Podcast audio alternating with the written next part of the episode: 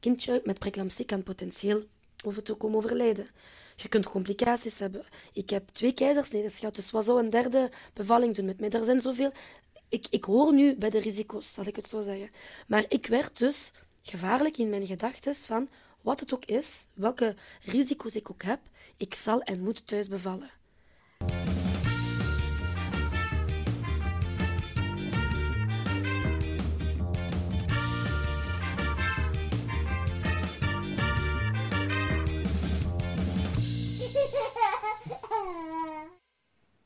Welkom bij een nieuwe aflevering van Pregopod. In deze aflevering in twee delen nodig ik je uit om deel te nemen in een gesprek tussen twee vriendinnen. Een heel intieme, krachtige en helend gesprek. We hebben het over onze droombevallingen. Wat we voor onszelf hebben gewild en gewenst. Voor mij is deze wens tot uiting gekomen, maar voor mijn dierbare vriendin bleef deze droom onvervuld. Haar bevalling was juist het tegenovergestelde van wat ze had gewild. Hoe ga je daarmee om? En hoe geraak je die teleurstelling kwijt? Uh, dit en veel meer gaan we bespreken in uh, de aflevering vandaag. We zijn terug. Ik ben terug. Na twee jaar. Echt ongelooflijk. ik heb vandaag een gast met ons mee. Het is de uh, oprichter van Vrouwenpraktijk, Al Insan. Oh, welkom. Dankjewel. Ik ben echt vereerd. Echt vereerd? Ja. Dat is ja. grote woorden voor, dat je mij dat vroeg. voor onze kleine podcast. Ja, kijk er naar uit. Ik wil graag weten um, wat, wat je doet uh, ja. in je praktijk, mm -hmm. uh, wat je allemaal aanbiedt. En een kleine introductie van wie je bent als persoon. Oké. Okay. Eerst en vooral, um, ik, ik voel me echt vereerd, echt waar, dat ik dit doe, dat je me dit vraagt, echt waar. Ik ben en ook zo blij. Echt waar, D dit wil ik echt eerst zeggen. En dan, uh, waarom ook? Omdat jij bent sowieso een heel groot onderdeel binnen hetgeen wat ik nu heb, hoe zeg je dat, opgericht. Dus Eline Sein is, een, is een, in een praktijk een, een klein eenmanszaak die draait om de mens. Daarom noemt het ook Eline Sein. Eline Sein betekent in het Arabisch de mens. Het is ook een surah, een, een gebed. En um, ik, ik vond het belangrijk om iets te doen rondom uh, de mens. En natuurlijke geneeskunde is iets wat me heel erg gepassioneerd heeft nadat ik zelf heel veel problemen had met mijn gezondheid en, en, al die zaken. En dus de dag van vandaag is het uitgegroeid naar een praktijk waar je je kan laten kuppen, waar dat je terecht kunt voor voedingsadvies, voor gezondheidsadvies, maar ook uh, voor voeding voor kinderen of tijdens de zwangerschap. Al die zaken. Dus een, een all-round een beetje over de gezondheid op de meest natuurlijke manier. Back to basic. Ja, back to basic. Back to basic. En soms moet je gewoon gaan zoeken in je kruidenkast wat je liggen hebt, want vaak is daar ook gewoon het antwoord naar.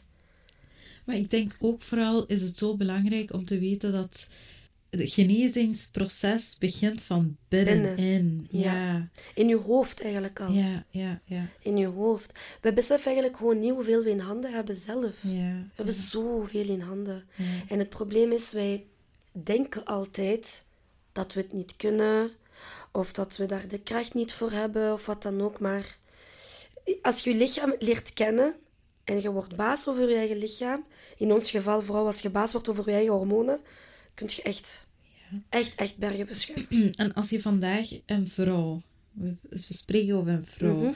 als je haar een tip zou geven om vandaag een beslissing te nemen over haar lichaam, van dit ga je doen voor je eigen mm -hmm. gezondheid, wat zou dat zijn? Me-time. Me-time? Ja. Oh. Plan me-time in. Dat is de Ik dacht dat er een... Nu komt er een behandeling van je moet nee. je laten kuppen bij mij. Nee. Nee, denk aan jezelf. Eigenlijk, het allerbelangrijkste... En dat zeg ik echt tijdens de consultatie. Zoek wat toxic is in je leven. Soms kan dat een persoon zijn. Het kan een familielid zijn. Het kan een job zijn. Het kan een... een het kan van alles zijn. En ik zeg altijd, en ik meen dat, ik zeg dat altijd in de consultaties, er is niks wat het waard is om, om u slecht te voelen of om u ongelukkig te, te voelen. Snap je wat ik wil zeggen? Ik heb het dan niet over uw kinderen. Dat hoort erbij dat we soms gek worden van onze kinderen of noem maar op. Maar ik heb Die het zijn echt... toxisch. Ja, in sommige gevallen kan, kunnen ze Adop, toxisch zijn. meteen maar- adoptie. Maar ik bedoel, kijk, heel veel mensen geven hun leven aan hun werk. Maar uiteindelijk, wat is geld? Wat is uw werk? Wat is geld? Dit, dit, dit nemen we niet mee. Na onze dood, we nemen dat niet mee. Je neemt geen partner mee, je neemt je familielid niet mee. Je neemt... Dus als die zaken, of één van die zaken, of zelfs een paar van die zaken, juist de toxische redenen zijn in je leven, die moet je, daar moet je gewoon afstand van nemen. Dat is wat ik echt altijd adviseer. Want jij kunt nooit genezen van je klachten, of je beter voelen van je klachten, als je de oorzaak niet aanpakt. En die oorzaak is bij heel veel stress. Ik zie constant vrouwen, de, de, de hoofdzaak is stress. Ja. Echt waar, stress. Oké, dit, dit is Dus een heel mooie punt. We gaan daar eh, hier later op terugkomen. Dat is hè, want dat is een heel groot punt, zeker voor een zwangere vrouw. Ja, Ehm, allee, ons- absoluut. dit, deze podcast gaat specifiek eh, Over. over. de zwangere vrouw, Ja, haar bevalling, ja, ja, ja. de postpartumperiode. En wat je nu allemaal zegt, is zo Heel ontzettend belangrijk. belangrijk, tijdens die periode van een vrouw haar leven. Toen jij zwanger werd, Mhm. had jij een bepaald beeld van uw zwangerschap en uw bevalling. Eh, zou jij een beetje willen delen over wat uw beeld Tuurlijk. was? Aangezien wat ik uitlegde over ehm, het oprichten van mijn zaak, Eline Zijn, de mens, mijn, mijn passie was gewoon back to basic. Na- natuur. Natuur, eigenlijk natuur. Dus natuurlijk. Dus van zodra dat ik zwanger ehm, geraakte, was ook in mijn zwangerschap mijn hoofddoel alles zo natuurlijk mogelijk. Niet omdat ehm, ik tegen medicatie ben of wat dan ook, maar gewoon omdat ik mezelf wilde uittesten in, in hoeverre kan ik alles doen op een natuurlijke manier, zonder extra ehm, hulp, zal ik maar zeggen, of, of, of pilletjes of wat dan ook. Voor mij was dat belangrijk. En ehm, hoe had ik het in mijn hoofd? Ik dacht van, een, een, een vrouw is ervoor gemaakt om zwanger te geraken, om, om, om kinderen te baren, om ook te bevallen. Dus als we dat kunnen, zal het ook zo zijn dat we het kunnen zonder verdere hulp. Dus ik droomde eigenlijk op die manier van een thuisbevalling. Ik dacht van, ik wil dat gewoon zelf kunnen doen in mijn eigen cocoon. Mijn eigen omgeving, mijn vertrouwde omgeving. Ehm, maar heel snel, ehm allee, heel snel en ook niet snel, zijn we erachter gekomen dat ik eigenlijk eh, zwanger was van een tweeling. Ehm, waardoor ehm, de droom van een thuisbevalling eigenlijk meteen is weggevaagd. Dus ehm, wat dat betreft is het dan in mijn hoofd eh, gestopt. Maar Was dat gemakkelijk om los te laten? eh, ja, dat wel, omdat ik had een tweeling. Mhm. En het, ik had zoiets van, oké, ik wist niet beter. Oké, ik heb een tweeling. De volgende zwangerschap zal me dan weer wel... Want ik wist wel dat ik niet wou stoppen na twee kinderen, in, in, in dit geval. Dus ik dacht wel, de volgende zal wel een thuisbevalling zijn. En eh, helaas is dat dan ook eigenlijk weggevallen. Omdat eh, ik, ik ontwikkel iets tijdens mijn zwangerschappen. Iets waar ik heel lang gefrustreerd door ben geweest. Desondanks de kennis die ik had, heb ik dit niet kunnen tegenhouden. Dat was de wil van onze Heer. Maar ik eh, ontwikkelde dan preeclampsie, zwangerschapsvergiftiging. Waardoor ik op een bepaalde punt in de zwangerschap eigenlijk ehm, opgenomen moet worden in het ziekenhuis. En dan is het een keizersnede. En dan is heel het idee wat ontstaan is uit alles op natuurlijke basis te proberen doen en uit eigen kracht, mijn eigen kracht, is uiteindelijk weggevaagd en volledig vervangen geweest door infusen, prikjes, pilletjes, ziekenhuizen, artsen, terwijl ik het allemaal zelf wil doen. Dus dat was wel heel moeilijk. Heel, heel confronterend. Eh, en, en iets wat ik heel lang heb gedragen en eigenlijk wat pas is eh, verwerkt geraakt met, met jouw bevalling eigenlijk. Maar, ehm, en ik wist ook niet dat ik dat nodig had om dat te kunnen verwerken, jouw bevalling. Maar dat zal waarschijnlijk ook weer voor later zijn in de, in de, in de podcast. Ja, maar, we eh, kunnen daar meteen in springen. Ja. Want ik herken jouw gevoelens in jouw verhaal. mhm. Ik heb hetzelfde meegemaakt. Ja. Ook geen gemakkelijke bevallingen gehad. Ja. De eerste was een keizersnede. Daarna, ik voelde me zo leeg. En ik dacht, hoe kan... Allee, iedereen bevalt. En, En en, ik wou dat... Ja. en ik wou dat zo graag Mhm. op een heel natuurlijke manier. En dat was mm, gewoon het tegenovergestelde. En ik denk, op dat moment had ik het zelfs niet door dat ik ehm, dit ja, moest verwerken. Ja.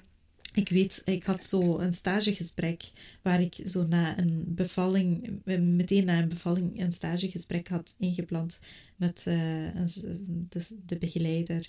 En ik begon meteen te wenen, zo van, Ja. ik- dat is voor mij... Allee, ik, ik wist niet dat die Nee. gevoelens zo diep in mij zaten. Dat was Ja. vier jaar later. Ja. Dus ik had het in principe moeten loslaten. Het werd op dat moment duidelijk dat, eh, oei, hier is iets dat Mhm. ik echt wel moet verwerken. Ja. Zeker voor een volgende zwangerschap. Dus volgende zwangerschap came along. en het was weer de bedoeling dat een thuisbevalling ging, Ging zijn. Heel lange arbeid gehad, maar echt heel lang. Vijf dagen aan een stuk. Zesde dag was begonnen. Ja. En toen zei ik, nee, het voelt niet meer oké om thuis te blijven. Ik weet, had ik, was ik thuis eh, gebleven, was het een gewone thuisbevalling, Thuisbevalling geweest. geweest, ja. Eh, dat, dat zie ik nu achteraf. Maar op dat moment ben je zo gevoelig. Mhm. En je, bij- je bent ehm, gevoelig voor wat andere mensen zeggen en wat Mhm. ze denken. Ja. En ze zeggen dat dat is niet normaal. Nu weet ik veel beter. Een, Ja. een normale bevalling kan, kan heel snel gaan, maar dat kan ook heel, Heel lang traag. duren. Ja.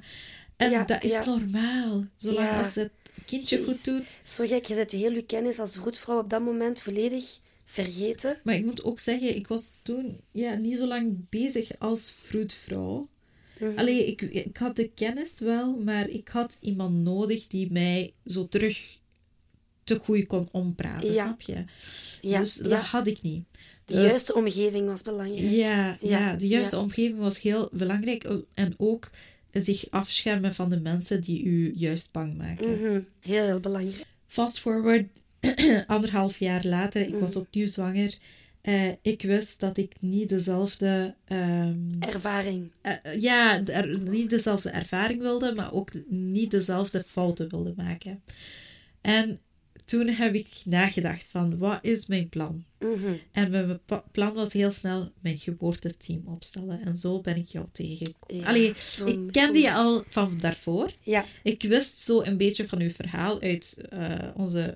ehm allee, je werd opgevolgd via Bidea. klopt. Eh, ik was vroedvrouw binnen Bidea, dus zo zijn we elkaar eh, tegengekomen. Ja, ja, zo ja. hebben we elkaar leren kennen.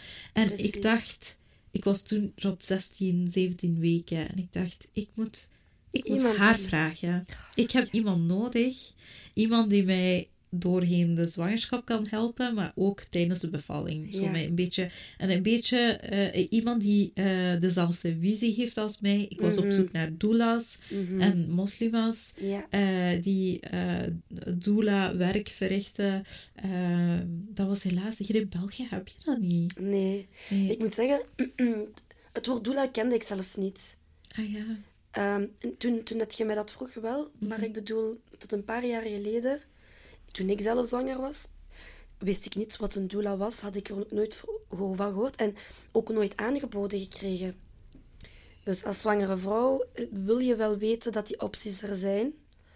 En het wordt ergens niet echt gepromoot, dus ik wist niet wat... Ik wist eigenlijk ook niet, wat doet een vroedvrouw nu precies ten opzichte van een gynaecoloog. Weet je, dat zijn zo dingen die je pas erachter komt wanneer je zelf zwanger bent. Ja. En je ontmoet dan een vroedvrouw of wat dan ook. Maar de vroedvrouwen die als zelfstandige basis werken, zijn ook helemaal anders dan vroedvrouwen in, in een ziekenhuis of in een gynaecologenpraktijk. Dus bijvoorbeeld om terug te komen op doula enzovoort, ik kende dat helemaal niet. Mhm. En ik wist ook niet... Ik, ik denk dat ik zo'n persoon wel nodig zou gehad hebben in de periode. Zeker. Als ik er zo terug aan denk, Ja. dat eh, ik raad het wel echt iedereen aan om. eh, het kan, je kan het doula noemen, je kan het noemen hoe je wilt, maar om gewoon inderdaad die persoon te hebben. Want wat je zegt was super belangrijk over visie. Iemand hebben die uw visie deelt.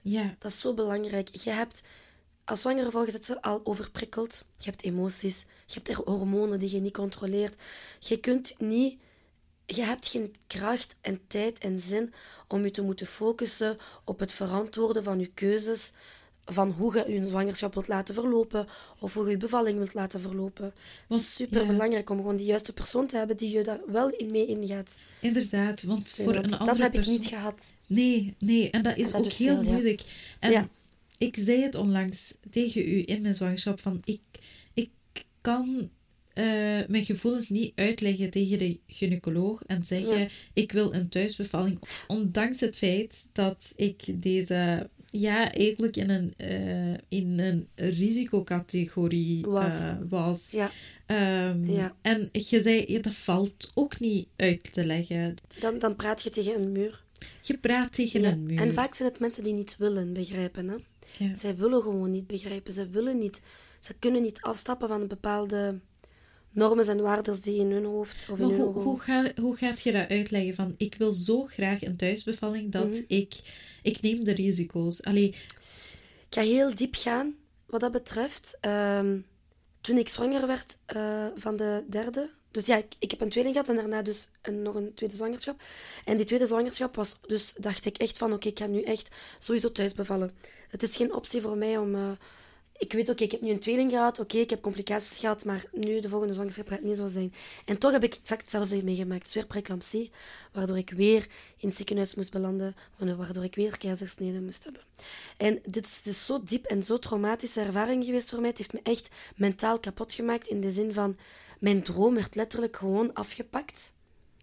Ehm, dat je eigenlijk gevaarlijk wordt voor jezelf. En ehm, wat bedoel ik daarmee? Ik bedoel, ik bedoel dat ik echt, en dat heb ik heel veel tegen, tegen hebben gezegd, hè, de, de, het, het hoofd achter Bideya en uw collega ook. En ehm, zij heeft mij opgevolgd tijdens mijn eh, zwangerschap ook. Zij weet heel goed van mijn situatie en is uiteindelijk ook een hartsvriendin geworden. En ik zei ook tegen haar van, als ik nu terug zwanger ben, dan wat er ook mag gebeuren, met mij of met de baby, ik zal en moet thuis bevallen. Waardoor het één super gevaarlijk kan zijn, want zeker met de, problemen die ik ontwikkel, kindje met preeclampsie kan potentieel over te komen overlijden.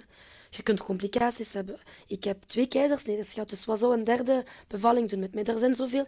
Ik, ik hoor nu bij de risico's, zal ik het zo zeggen. Maar ik werd dus gevaarlijk in mijn gedachten van wat het ook is, welke risico's ik ook heb, ik zal en moet thuis bevallen. Dat is super gevaarlijk en eigenlijk onverantwoord. Maar op dat moment kun je, kon je mij niet van het idee laten, van het idee alleen, hè, want ik ben niet eens terug zwanger geraakt, hè, maar het idee werd echt gevaarlijk. Ik werd echt vijandig tegen elke mogelijke ehm, approach van een dokter bijvoorbeeld, een arts, of wat, iets wat te maken had met een ziekenhuis, of iets wat te maken had met... Ik moest maar gewoon naar de huisarts gaan met mijn kind en ik werd heel erg, ehm, ja, chagrijnig. Ik praatte echt niet beleefd. Dus je, je, je ontwikkelt een bepaald gedrag omdat Dat je juist niet hebt verwerkt wat je hebt meegemaakt Ja. en ook niet geaccepteerd wat je hebt meegemaakt. Ja, maar wat ik wel hoor, je bent, je bent voldoende op de hoogte Mhm. van wat de risico's zijn, wat Ja. jij zo potentieel zou meemaken Mhm. eh, en wat dat voor eh, dat kindje inhoudt. Dat, dat snap je allemaal. Het is echt diep. En ik, ik schaam me wel om dat te zeggen nu. Maar het, het is ook voor mij een besef van het. Ik zat echt diep. Want ik schaam me, maar het is echt de waarheid. Ik, ik, ik had echt zoiets van: moest ik daarvan overlijden? Of moest het kindje daarvan overlijden? Dan moest het maar gebeuren. Dat moet het, dan is het gewoon zo. Ik begrijp Ik het. ga niet weer deze hele proces meemaken waar ik tegen ben en waar ik niet achter sta, waar ik van afgezien heb en waar ik mij niet ondersteund heb gevoeld. Ik heb me als moeder zijnde niet, niet, niet goed gevoeld, als vrouw zijnde niet. Ik, snap je? Dus voor mij zou ik zelf het, het, het, het- mijzelf in gevaar brengen, een toekomstig potentieel kindje in gevaar hebben gebracht, omwille van het feit dat ik van binnen Niet genezen was. niet genezen was en dat niemand dat kon begrijpen. Mhm. En om, om zelfs nog dieper daarin te gaan, toen de, toen de baby van mijn laatste zwangerschap thuis kwam, dus mijn man had die van het ziekenhuis naar huis gebracht. En ehm, ik vergeet dat echt nooit. Hè. Het zou normaal gezien een, een vreugdedag zijn, want jouw kindje komt eindelijk thuis na bijna drie maanden opgenomen te zijn in het ziekenhuis en in een couveuse te hebben gelegen enzovoort. En het babytje komt thuis met mijn man. En ik, ik was niet eens blij. Ik was niet eens blij. Ik was niet eens gelukkig dat mijn man echt boos werd En echt zei tegen mij van, besef dat uw baby gezond thuis is. Wij hebben haar, ze is er. En ik kon, dat, ik kon wat ik heb meegemaakt niet loslaten. Hmm. Ik, ik kon het niet loslaten, terwijl ik zag het positieve niet. Mhm. Ik bleef negatief. En dat kan niemand u mee helpen, tenzij je jezelf de klik maakt.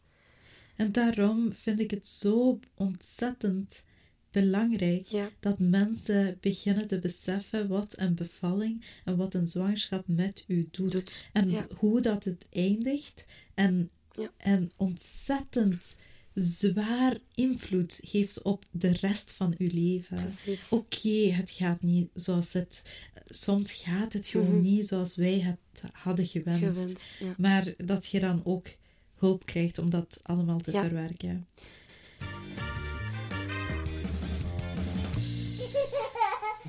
Ik droomde van een thuisbevalling. Ik wist eigenlijk niet ehm, dat wat, waar ik van droomde was gewoon een thuisbevalling meemaken. Ik dacht altijd, ik moet die thuisbevalling Ja. doen. Ik moet bevallen thuis. Maar het feit dat ik u heb zien zien thuis bevallen en u heb ondersteund in dat proces en alles, heeft mij echt, ge- eigenlijk echt geheeld. Want niks heeft daarvoor gewoon geholpen. Ik kon het maar niet loslaten. En ik werd vaker en vaker geconfronteerd met het feit ehm, dat ik gewoon traumatische ervaring heb gehad. Elke keer als ik naar mijn kinderen zie, en ik zie, ze zijn alle drie prematuurtjes, dus ook heel erg klein voor hun ge- gewicht en voor hun leeftijd en noem maar op. En telkens als ik kindjes zie van hun leeftijd, of als ik het zag, herinnerde mij dat weer aan, ah ja, ik heb eigenlijk kleine prematuurtjes die, ehm, die in het ziekenhuis ehm, geboren zijn. En er is niks erg, ergs aan een ziekenhuis te bevallen. Het gaat erom, het was niet wat ik wou. Ja. En dat, dat is het moeilijk om te kunnen accepteren. Het was niet iets wat ik in handen had. Dus uiteindelijk, ehm, ik heb daar heel veel over gepraat met Lubna, die dus mijn vroedvrouw was en die mij heel erg fel heeft gesteund en begeleid. En toen heb ik u leren kennen en noem maar op. En jullie hebben mij heel erg ondersteund en geholpen, maar het heeft mij niet geheeld. De gesprekken hebben me niet geheeld. En ooit heb ik afgesproken met Lubna en eh, we waren in Antwerpen aan het wandelen. En we waren weer over het aan het praten. Want elke keer als we elkaar zagen, was ik daar weer over aan het praten. En ik vergeet echt nooit waar ik was met haar. We waren, aan het oversteken. En we wisten dus dat jij zwanger was. En ik zei dat tegen haar. Ik zeg van, "Ga, Lubna, ik zou echt ooit een thuisbevalling gewoon eens willen zien. Ik denk dat dat misschien iets is wat mij kan helpen. Maar ik zei, ik zei tegen haar van, wie gaat dat toelaten dat ik bij die ben in de meest eh, intieme moment van, van, van haar leven. En ehm, omdat ik u dan kende en omdat we toch wel vriendinnen zijn geworden, alhamdulillah, en echt een, een zusterschap hebben opgebouwd, heel natuurlijk, zei ik tegen haar, echt lachend, ik zei van, Luna, verklaar mij niet voor gek. Echt, ik zei dat zo tegen haar. Ga me nu niet als, als een gekke dinges, een gekke vrouw zien, maar zou Attica dat misschien storend vinden als ik het haar vraag? En ze moest daarom lachen, maar ze was niet, niet uitlachend. Ze zei echt van, ik denk 100% dat het Attica niet zou storen. Zei ze echt, hè? En toen zei ik toch van, ah nee, nee, laat maar. Dat, dat, dat kun je niet maken. Wie ben ik dat ik u, dit, dit met u ga delen, zo, snap je? en dan hebben we er nooit meer over gepraat. ja. En tegelijkertijd was ik op zoek naar een doula. Voilà. Dus ik was in Duitsland eh, met mijn man. We waren juist aangekomen in Düsseldorf. Waar we, hadden een citytrip. En Luna stuurde mij een memo. En ze had me eigenlijk een audio doorgestuurd die jij naar haar had gestuurd. En ik wandel met mijn man en ik luister die audio.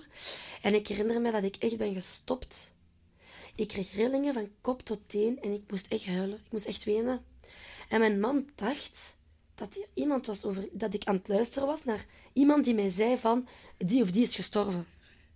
En ik hoor die memo en ik blokkeer helemaal. ik blokkeer echt helemaal. Ik was in shock, want het was gewoon meant to be. Het was meant to be. Er was niks aan toe te voegen. Ja. We hadden dat nog niet eens met elkaar besproken. Ja, ik kende je ook niet zo goed. Nee, zeker niet als nu. Ja. Dus, eh, en mijn man was vooral heel blij ook. Ja, ook. Ja, Hij besefte ook. ja want je zou denken, wat gaat een man daarvan begrijpen? Maar hij was echt, hij wist uit de diepste van zijn hart dat ik dat nodig had, zodat hij ook kon helen eigenlijk. Ja. enkele weken voor de bevalling begon hij al zo verlof te plannen Ja, en absoluut. bekijken hoe Alles in te plannen in het kader van... ehm, bijvoorbeeld als hij iets ging inplannen, als hij iets te doen had, wat een beetje in de toekomst was, maar wat dichter bij uw bevalling zaten, was het wel van... eh, wanneer was het weer dat, dat ik jou zou bevallen? Wanneer ongeveer, wanneer? En dat was iets... Wij hebben alle twee, hij en ik, ja, uiteindelijk ehm, iets gedaan of meegemaakt wat wij zelf niet hebben meegemaakt tijdens onze zwangerschappen. Want mijn bevallingen waren, werden gepland.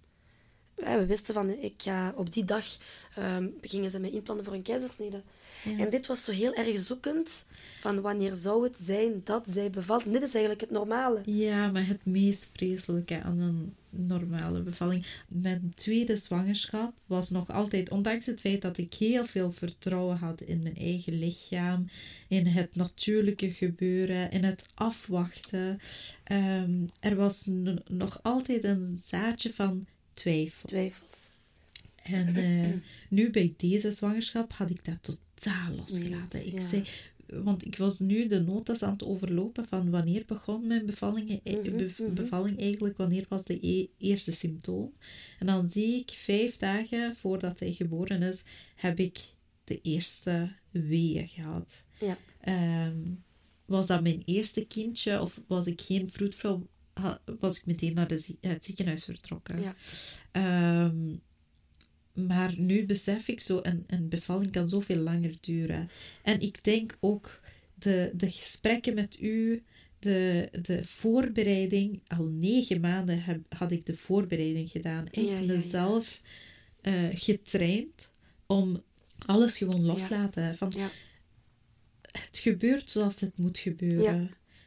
Er gaat niks misgaan. Ja, ja. En gaat het toch mis, dan zou het toch op die manier gebeuren. Gebeuren. Ik was klaar voor een keizersnede. Ik was klaar voor een ziekenhuisbevalling. Mhm. er, er was geen must. Ja. En snap je, als, toen, toen ik dat had losgelaten, die, de- ja, ik had een heel groot stuk van stress kunnen, kunnen vermijden op die manier.